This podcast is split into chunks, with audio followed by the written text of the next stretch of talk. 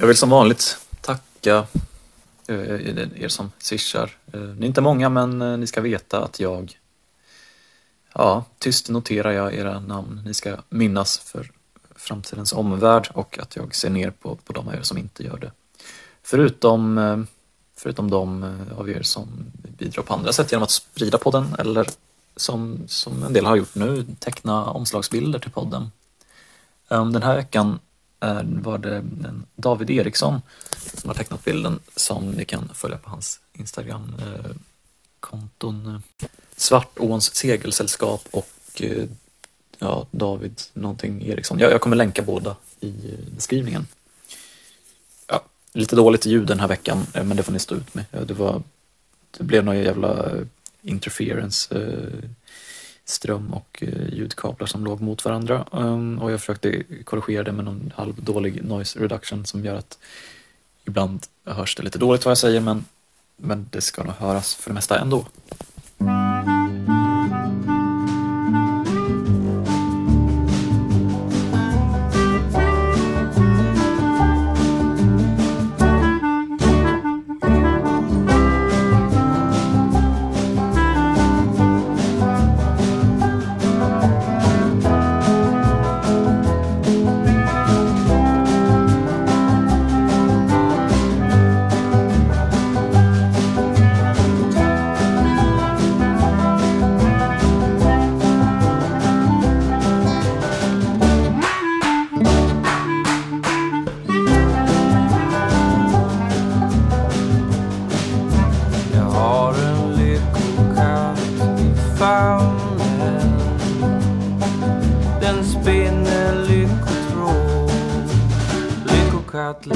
Att skaffa mig tre till.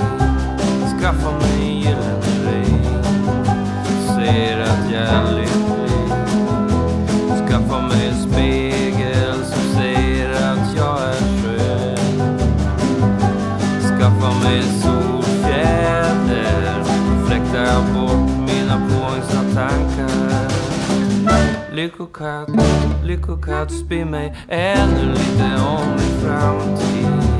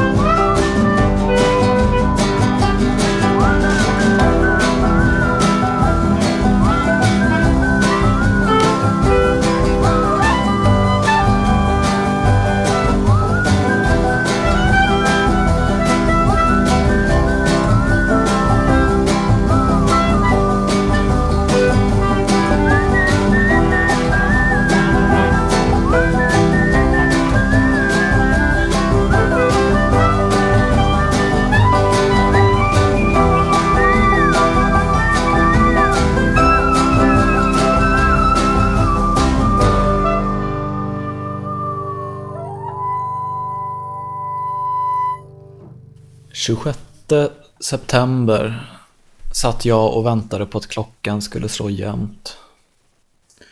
Det var lamporna som skulle ringa upp. De, jag hörde, vi pratade i telefon ändå då och då. Eh, för att han, antingen ville, att, ville han att jag skulle hjälpa till med något tekniskt. Ehm, eller eller så skulle jag vara hans personliga assistent när han jobbade. Så om han började komma och tänka på något och ville kolla upp det så, så skulle jag googla det åt honom. Uh, vilket var ett uh, jävla skitjobb för jag fick betalt. Ja, men om det tog en halvtimme så fick jag betalt kanske 30 spänn. Det var bara när jag var väldigt i väldigt stort behov av pengar. Nu var det inte det vi skulle göra. Um, han ville podda med mig.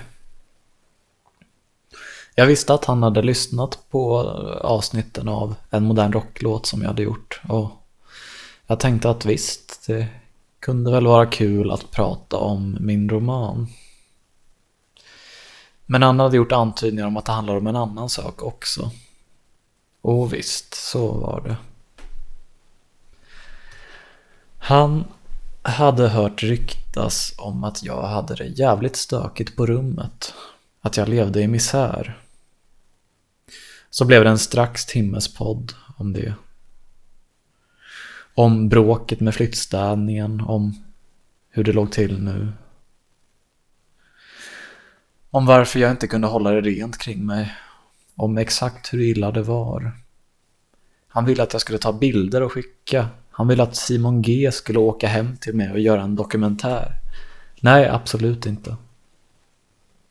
När den öppna rasisten, idioten och neandertalaren ser en som ett cirkusdjur, som ett freak på kringresande utställning, då vet man att något är jävligt skevt.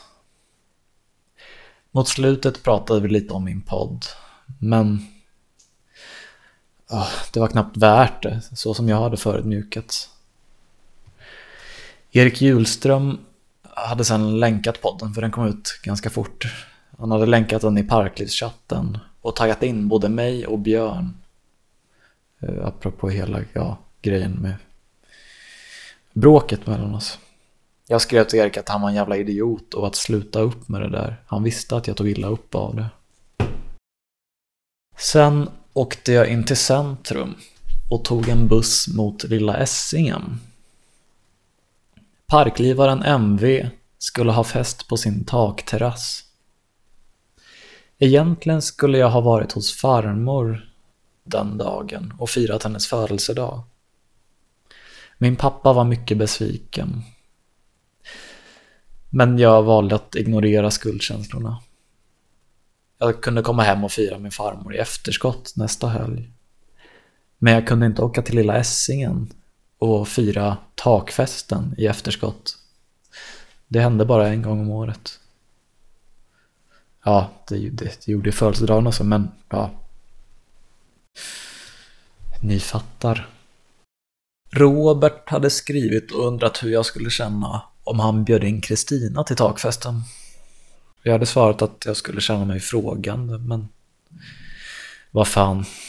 Jag skulle ignorera henne bara så skulle hon förhoppningsvis göra samma sak mot mig. Det var inte som att hennes närvaro i sig skulle provocera mig så mycket.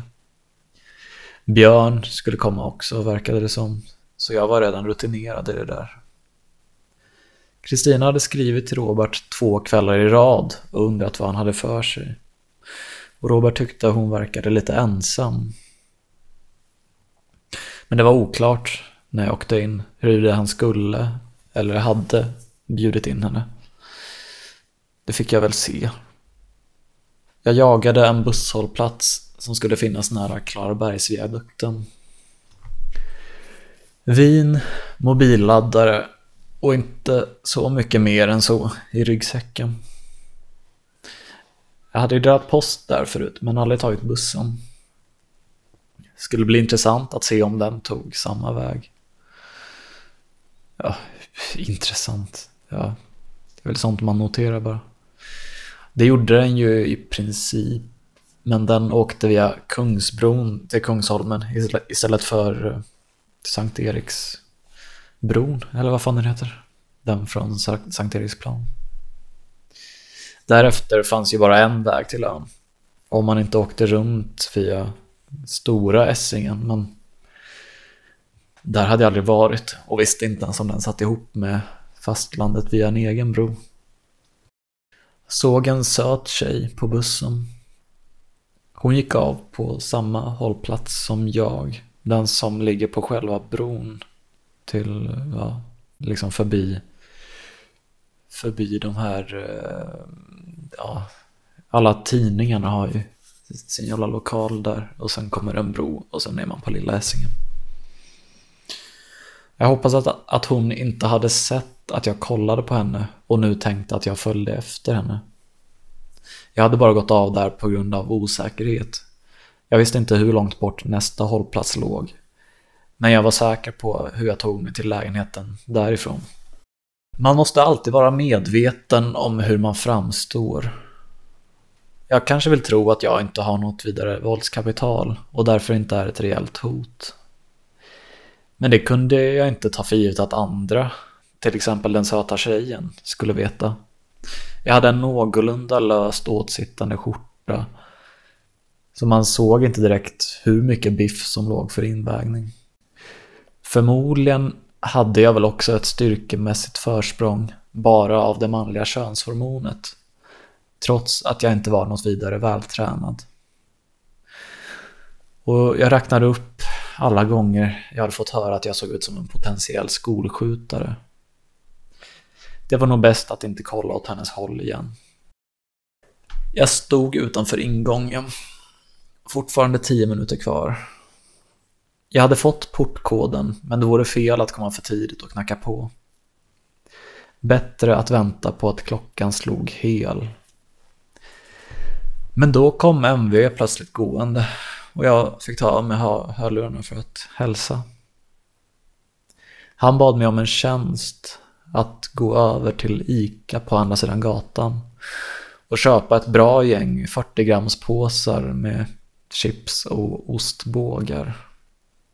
Coronasäkra snacks. Han skulle upp och ordna lite men sa åt mig att ta med kvittot så kunde han swisha. Butiken påminde om ett ICA jag hade varit på i Linköping. Litet och trångt. De hade bara klämt in det på den lilla, lilla ytan som fanns till förfogande. Det kändes inte särskilt pandemianpassat. Jag stod vid snackshyllan och önskade att jag hade bett honom vara mer specifik. Hur många väntades komma? Hur många behövdes? Tog jag för många la jag onödig ekonomisk börda på honom. Och det skulle bli över. Han gav dessutom inte intrycket av att vara en person som småsnaskade på sånt till vardags. Det var nog mest för att vara en bra värd. Tog jag för få skulle han framstå som en dålig värd. Och det var inte heller bra. Visst, man kunde gå och köpa fler, men Icat hade inte öppet hur länge som helst. Jag tog hissen upp och var stolt över min finurliga lösning. Jag köpte med mig så många som hade gått att få med utan påse. Det gick att trä några på varje finger av det här lilla hålet som man gör att de kan lägga upp det liksom i de här galgarna, eller vad man ska säga. Det gjorde lite ont av plastens vassa kanter, men det skulle snart vara över och märkena skulle bara sitta kvar i någon timme. Festen bestod hittills bara av oss två. Takterrassen låg förbi alla vindsförråd och det var en fin utsikt mot baksidan. Skulle nog bli ännu finare när solen har gått ner. Man såg bort till vattnet och hade insyn i lägenheterna på andra sidan gatan. Och det är ju en extra krydda. Sitta och spana efter folk som har sex. En isbrytare om inte annat. Jag fick manualen till gasolvärmaren och tillsammans klurade vi ut hur den funkade. Sen tog jag kontroll över Spotify som han hade på sin iPad kopplad till en högtalare. Det var svårt att få ett grepp om MV. Han levde som ungkar trots att han var 40 och det verkade inte finnas någon skilsmässa i backspegeln. Jobbade på ett lager men i Facebook-eventet var det en massa kvinnor och även en hel del män som skrev att de inte kunde komma. Rätt många verkar bo utomlands. Ett så brett kontaktnät tycker jag tyder på att man har pluggat ihop. Men vad det skulle vara han hade pluggat visste jag inte. Och IRL var han en helt annan person än på nätet. Han var kanske inte helt normal, men inte märkbart udda heller. Inget jag kunde sätta fingret på, som med Robert. Såg hyfsat bra ut. Online pennfäktades han ofta om invandring och feminism och sånt i olika kommentarsfält till tidningar. På ett sätt som inte anstod en man som honom. Nästan pinsamt. Sånt gör man inte om man inte är 10-20 år äldre eller ger ett mer white trashigt intryck. Jag tror att han kom från en lite en, en någorlunda fin bakgrund. Han hade bytt sitt efternamn som lät ganska, ja, lite eh, pampigt. Um, och lite som han i, eh, i Tillsammans, eh, Olle Sarri eller vad han heter. Möjligen dolde han ett enormt mörker men det var inget han bar på skjortärmarna. Han var väldigt trevlig. Han berättade om tiden på posten med Robert. Om hur han hade tagit kopior på alla nycklarna till lådorna som ligger i olika gathörn och används till posten man inte kan få plats med på cykeln. Han hade planerat en konstaktion där eh, han skulle bjuda in konstnärer han kände för att måla om interiörerna i lådorna sent på natten. Fast det blev aldrig av. Och sen blev både han och Robert utköpta från posten. De fick ett halvårs lön vardera i utbyte mot att de slutade. Nedskärningar påstods det, men han hade en känsla av att det också kunde haft att göra med att de hade fört mycket väsen av sig med facket. Jag hade redan druckit en fjärdedel av vinet, av ren uttråkning. Kanske inte jättebra, men jag hade nu märkt tetran med mina läppar. En fördel med pandemin, att ingen skulle vilja snylta då. Det var inte av snålhet, för jag hade väl kunnat ha råd med en till vinare. Men den liten var allt jag hade med mig och därför hade jag inte lust att dela. Som det var nu skulle jag väl dessutom vara i gasen i takt med att alla andra kom trevlig och social från första sekunden man träffade mig.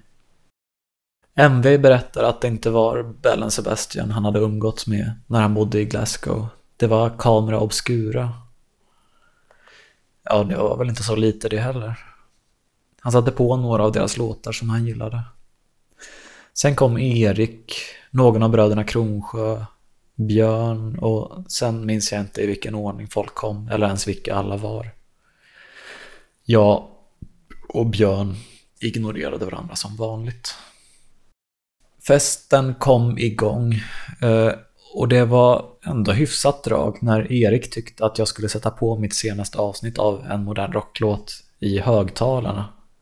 Jag tyckte det lät som världens sämsta idé. Men han tjatade en massa så till slut gjorde jag som han sa. Avsnitt tre eller om det var fyra. Och inget hände, ingen lyssnade. Vem fan hade kunnat gissa det? Varför skulle jag göra det? Jag tror kanske att Stig Larsson hade kommit ur det laget tillsammans med Cyril Hellman. Jag hade spanat efter Stig när jag gick förbi Rosa Drömmar innan. Där var han inte då, men här var han nu. Strax därpå kom Sebastian Mattsson i sällskap med umgängeskretsens förlagsson. Fast förlagssonen satt mest och pratade med Björn. Sebastian pratade med Cyril och Stig och jag anslöt mig diskret till samtalet. Jag fick inte många sylar i vädret. En av dessa sylar användes till att nämna att eh, jag själv, likt Sebastian, var debutant. Men det var ingen som reagerade på. De var väl vana. De hade ju sina skrivarkurser. Stig sa något om att de hade behövt byta till en ny europeisk storstad. Eftersom ölen var för dyr i Berlin eller var de nu hade varit innan. Jag hade känt mig lockad av det där när jag hade lyssnat på deras podd, men det låg långväga utanför min budget. Där gjorde jag faktiskt ett inpass, apropå podden. Jag hade hört avsnittet där Åsa Lindeborg var med och pratade om sin metoo-dagbok. Året med 13 månader eller vad det nu hette. Man fick en väldig respekt för henne. Cyril sa att ja, hon är en fantastisk kvinna och framförallt författare. Och hon hade varit med om så mycket skit. Bara kolla på den där komikern som våldtäktshotade henne i en podd, om ni kommer ihåg det. Jag och Sebastian satt och mm, mm, höll med och höll mun om att vi kände personen i fråga. Inte heller tog vi honom i försvar. Man får välja sina strider. När väl Robert dök upp var mitt vin slut. Jag hade felkalkylerat. Tänkte inte att folk skulle dröja så länge med att komma till festen. Den började ju för tre, fyra timmar sedan. Vad fan? Vad har man för ursäkt att vara så försenad? Det största problemet var såklart inte att vinet var slut. Det hade jag väl kunnat leva med och bara ta av andras dricka. Utan det största problemet var att jag hade druckit en liter 13% vin på tre timmar. Och inte ätit mer än en lätt frukost och på sin höjd två små påsar chips. Jag gick ner till lägenheten, tog ett glas vatten och la mig på soffan.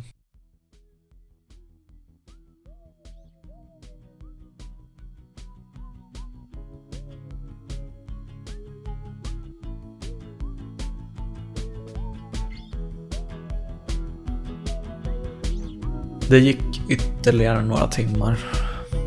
Folk kom och gick. Vissa för att gå på toa, vissa för att ta vatten. Somliga kom själva, andra i gäng av två till fyra pers. Kom de i gäng var det alltid någon, oftast kvinnan i gänget, som kommenterade att jag låg och sov. Kanske sa att, ja vad gullig han är. Jag fick flashbacks till fritids efter skolan när jag brukade låtsas att jag sov för att få uppmärksamhet. En gång kröp jag ner i en liten kista och låg där stilla med slutna ögon. Folk kom hela tiden och öppnade locket och pekade och viskade. Vet inte hur de kunde tro att jag verkligen sov och hur de kunde inbilla sig att de var så pass diskreta att de inte hade väckt mig om jag hade slumrat. Samma sak nu. Visst, jag sov merparten av tiden på soffan för att bli av med ruset. Men jag vaknade varje gång någon kom och påpekade att jag sov. Har folk inte hört talas om att man kan ligga stilla och försöka sova men ändå vara medveten om det som sker omkring en. Jag sov vidare.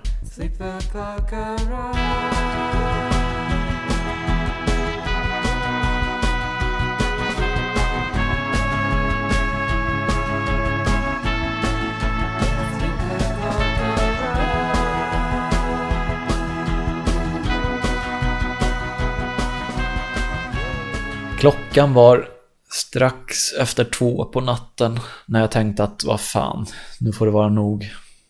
Jag satte mig upp och gnuggade sömnen ur ögonen.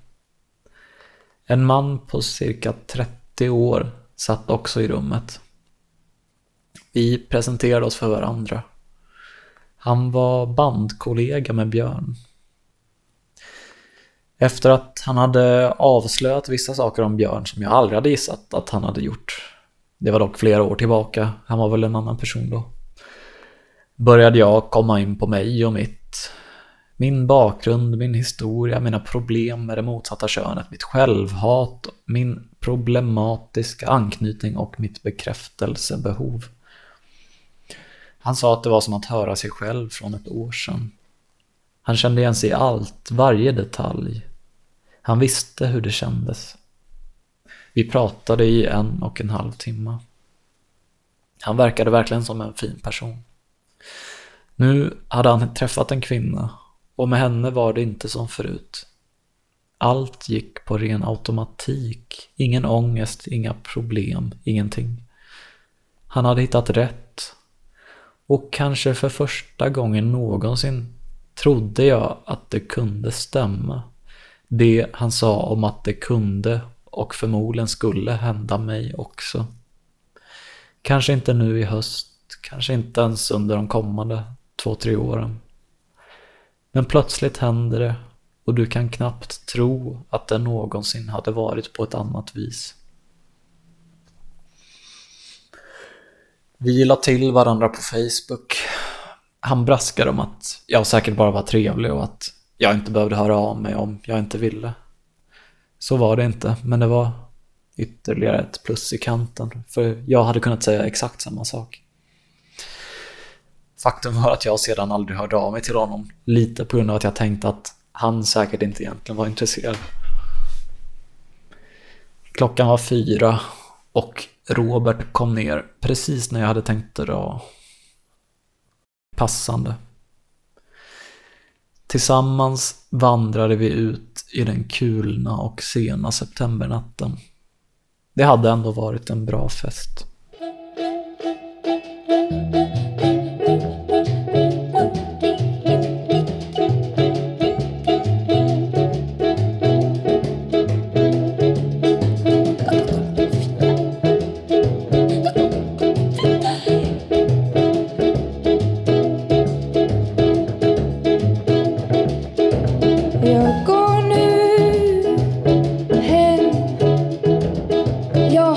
Åt min rock.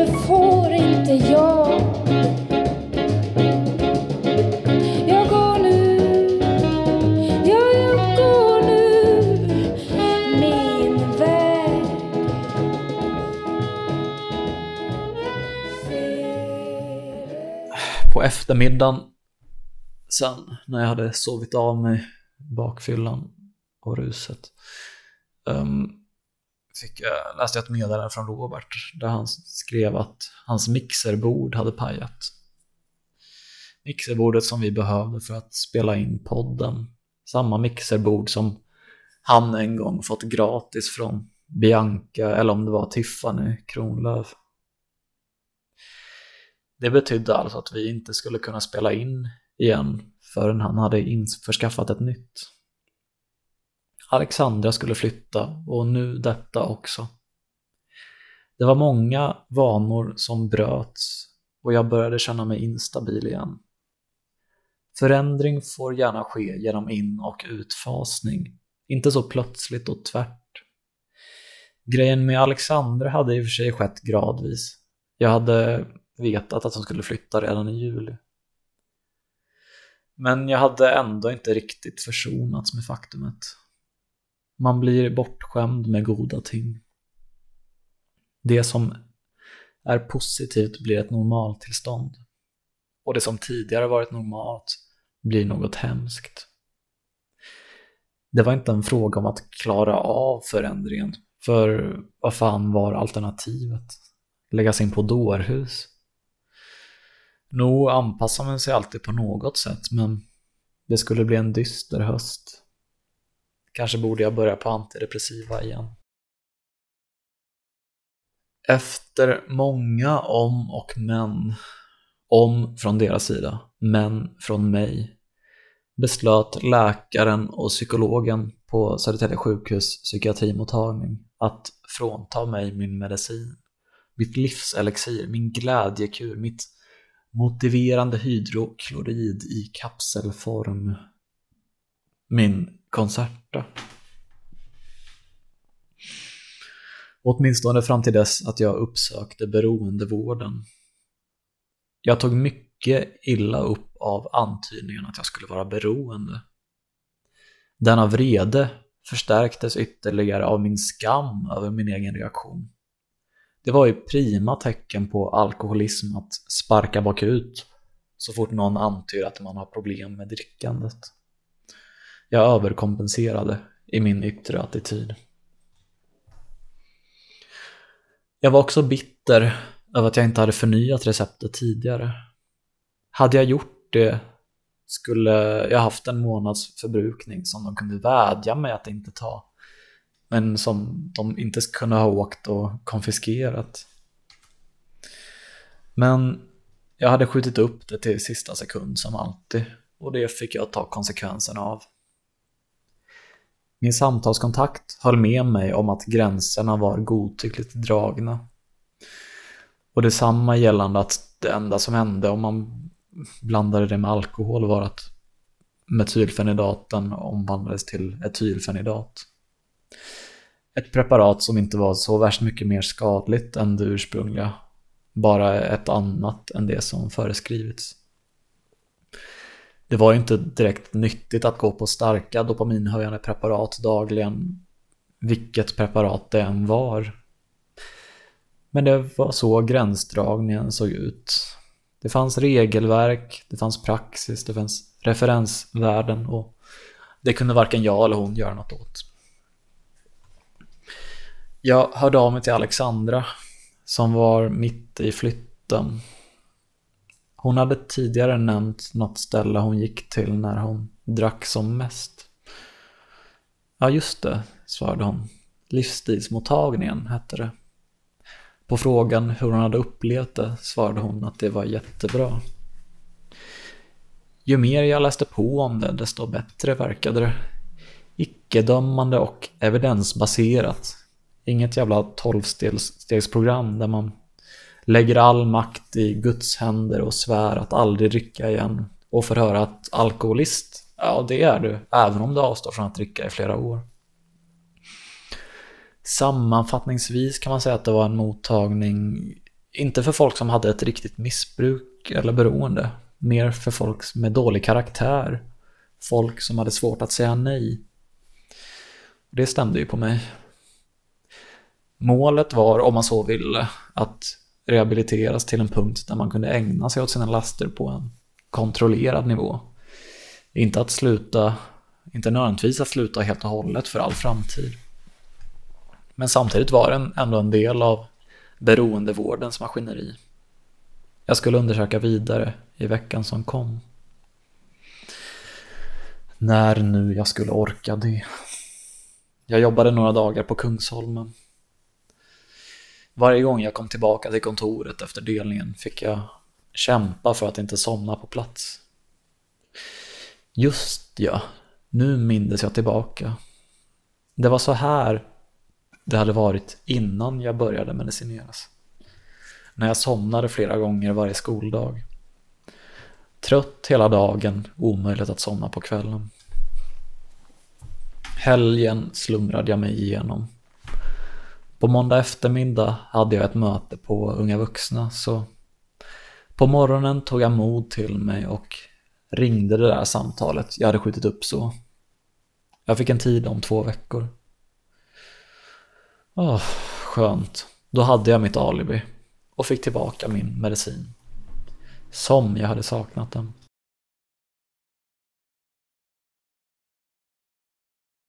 På onsdagskvällen den veckan då så åkte jag till centrum efter jobbet och gick bort mot Skeppsholmen.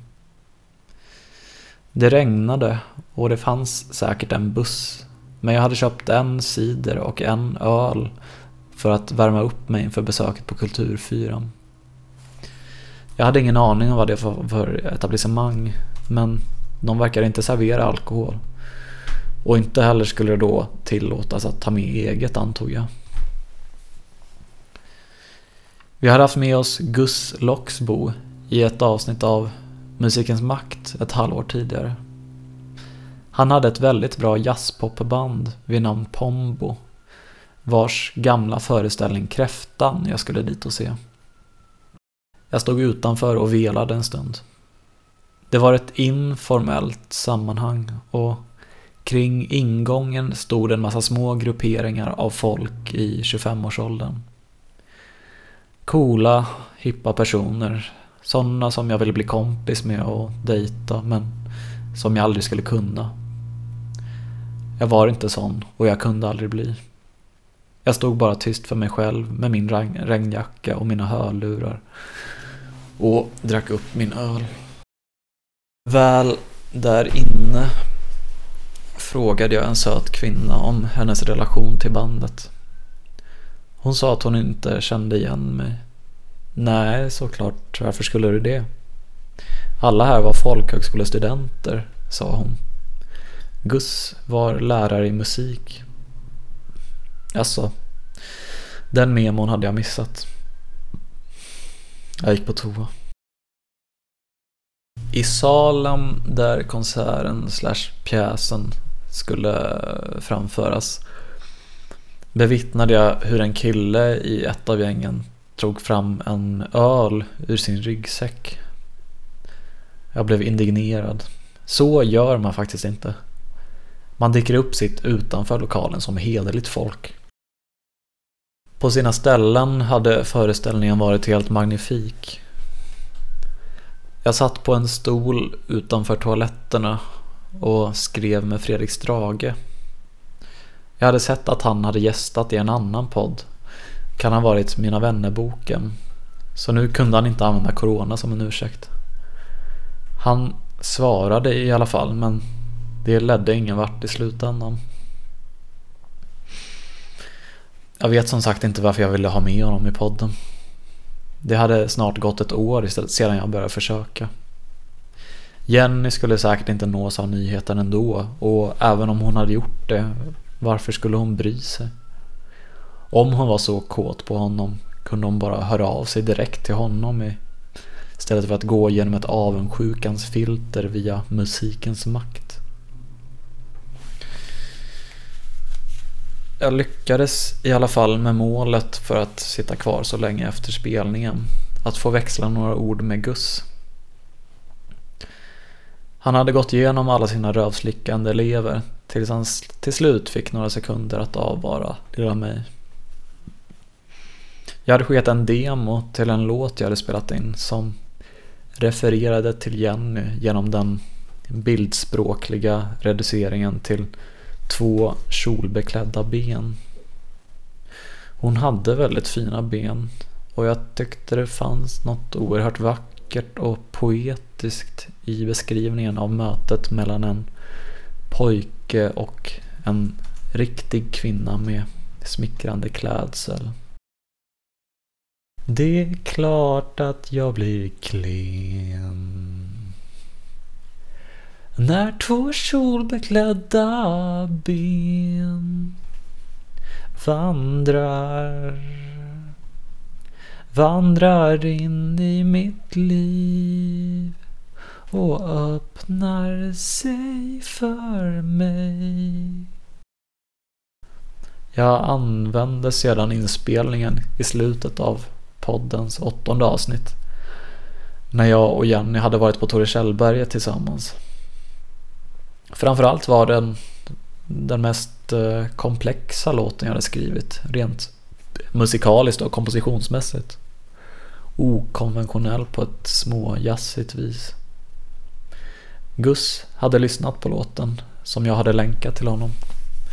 Han sa att den var jättebra och att han bara önskade att han kunde få höra den med en riktig klarinettspelare. Jag stod förväntansfull och tänkte att han skulle introducera mig till en sån. Han måste ju känna minst en person som kan spela varje tänkbart instrument. Han var själv inte bara en mästerlig ståbasist. Han var såg-ekvilibrist för fan. Men det enda han gjorde var att nämna ett bra exempel på en låt med saxofon. Nikolaj Dungers tolkning av Edith Södergrans Lyckokatt. Är det hennes dikt som heter så. Jag vandrade tillbaka i det mörka Stockholmslandskapet besviken.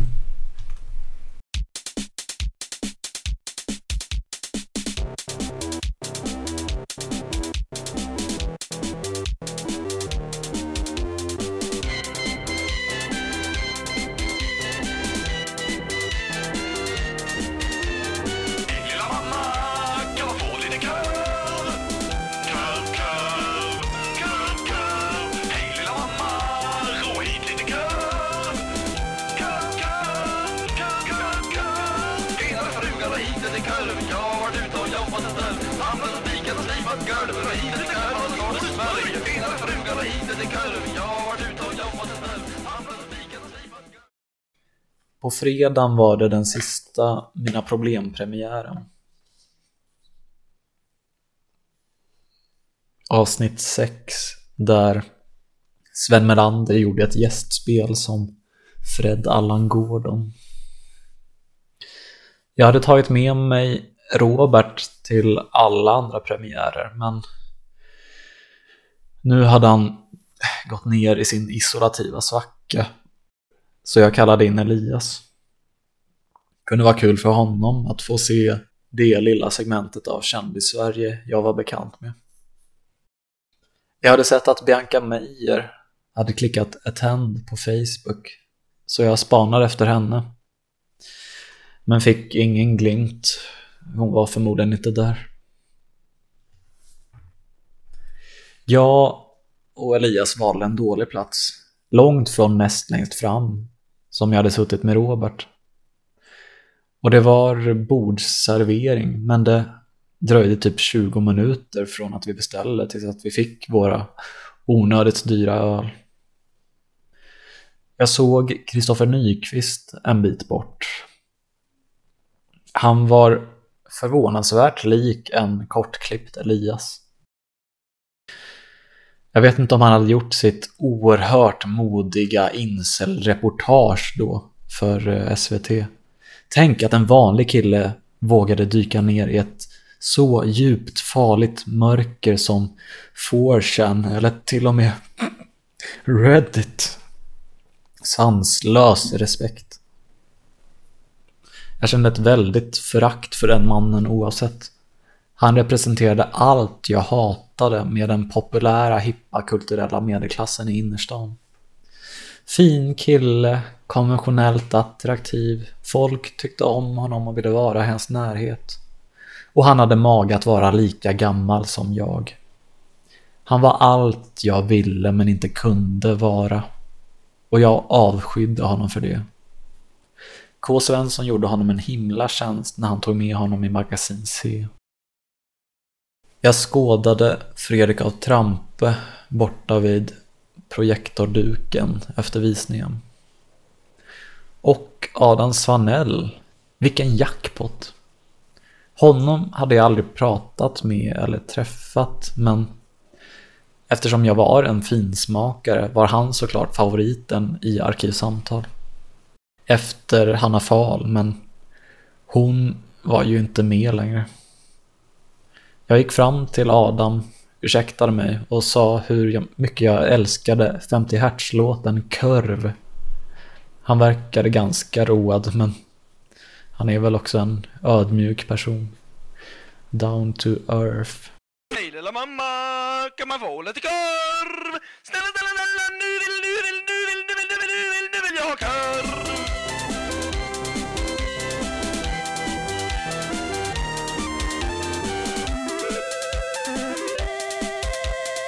Jag var oerhört nöjd med mig själv. Jag hade lyckats få till att jag, Elias, Trampe och hans flickvän samt Adam och hans flickvän skulle sitta tillsammans på ett bord på, eller ja, vid ett bord på övervåningen av Skala i foajén, eller vad man säger. På väg dit sprang jag in i Simon, numera ett fan av mig, hur konstigt det än lät. Av min podd i alla fall. The tables have turned. Jag presenterade honom för Elias. Ja, dig känner man ju igen från podden. Elias, som inte hade lyssnat, verkade mycket förvirrad. Det var förmodligen årets roligaste kväll. Förutom dejten med Saga då.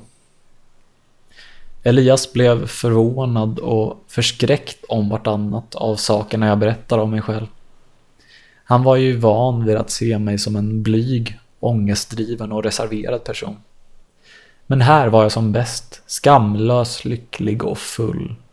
Och omgiven av personer som kanske inte förstod mig, men som jag förstod. Jag lyckades få både Trampe och Adam att lyssna på min podd. Eller ja, jag fick Adam att säga att det definitivt lät intressant och att han skulle lyssna. Men ändå, han var en person som hade givit ut flera böcker och med hela Svenska Dagbladet-kopplingen hade han större potential att sprida podden än någon annan jag hade träffat. Och Trampe hade förvisso redan hört första avsnittet tror jag, men inte mer än så. Konstigt nog var ja, min koppling till Jenny, den relationen eller vad man ska säga, vi hade haft fortfarande ett eh, skryt. Och inte skryt som erövring, men när Trampes tjej sa att hon var burleskdansös och jag informerade om att Jenny minsann också hade varit det kände jag enbart en vidunderlig stolthet över att ha känt och varit nära en så fantastisk och spännande person och kvinna. Jag rörde nästan mig själv till tårar, nära på att jag la handen på hjärtat och slöt mina ögon. Alla klassiker avhandlades. Jag tog upp jakten på Bernhard och Svanell berättade att eh, David då och då hörde av sig till honom när Svenska Dagbladet hade publicerat någon ledare som inte var politiskt rätt riktig. Svanell, vad ska jag se här? Och, och när, jag läm- när jag nämnde Lampenen sa Adam att även han brukade höra av sig jämt och ständigt. Men det gjorde han ju för sig till alla journalister, eh, alla media och kulturpersonligheter. Till och med till typ alla komiker. Han var nog den mest samhällsinsatta personen jag hade i min bekantskap. De andra vid bordet stämde in i en lovsång om dokumentären Plötsligt i Vinslöv. Och jag som bara, bara hade hört om den i Della Morta och Arkivsamtal men inte sett den eh, fick stå med dumstrut. Jag förhörde Trampe lite om hans uppväxt också. Han, han hade vuxit upp på Östermalm och eh, jag frågade vilken gata eh, eftersom jag var bekant med de flesta gatorna. Och då sa han att det var på Östermalmsgatan, vilket han sa för de flesta låter som en parodi att, att en gata skulle heta så, men inte jag. Jag, jag, jag hade koll. Kvällens höjdpunkt var när samtliga vid bordet höll med om hur fenomenala Bellen Sebastian var och kom med sina egna minnen och reflektioner. Alla förutom Elias som inte hade någon relation till bandet. Det här var mitt folk, den bästa generationen. Det var här jag hörde hemma. Sen förstörde jag det såklart genom att ställa en för privat fråga till Trampes flamma apropå. Ja, hon sa att vi gärna kunde prata om något annat. Det blev tyst en stund. Jag hade bara försökt connecta för det var något vi hade gemensamt och förstod inte att det var ett så stort övertramp. Men nu hatar hon mig med största sannolikhet och det hade jag bara mig själv att skylla för. Jag och Elias åt på Max vid Centralen innan vi åkte hem åt varsitt håll. Snedsteget hade inte lyckats förstöra en så i övrigt perfekt kväll ändå. Trots att det var så perfekt, perfekt försvann den ut i natten som ett immigt andetag och finns bara kvar nu som ett vagt minne.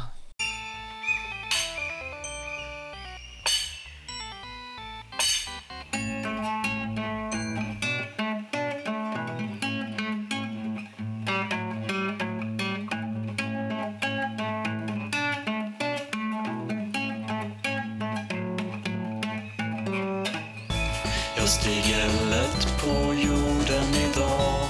Jag dricker allt som samlas i mig. Föds i skönhet, lever på luft. Vem kunde tro det?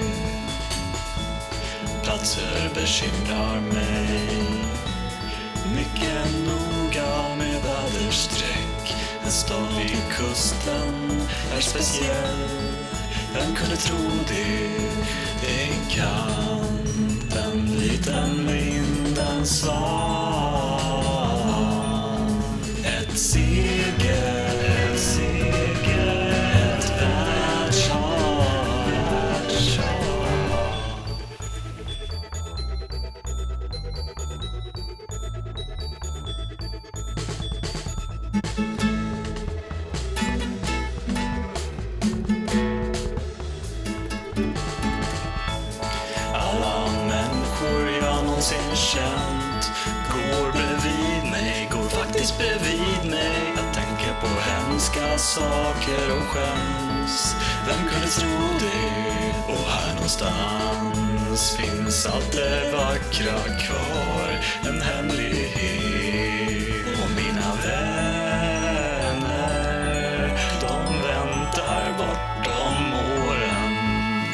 See again.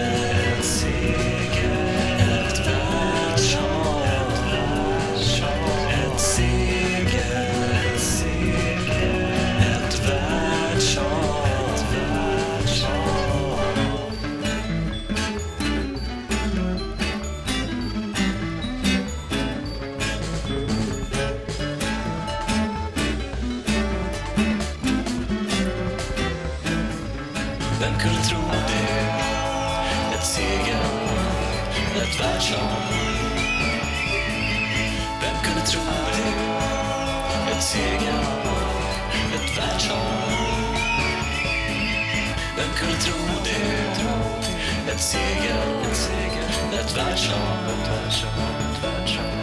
Vem kunde tro det? Ett segel, ett världshav Ett världshav, ett världshav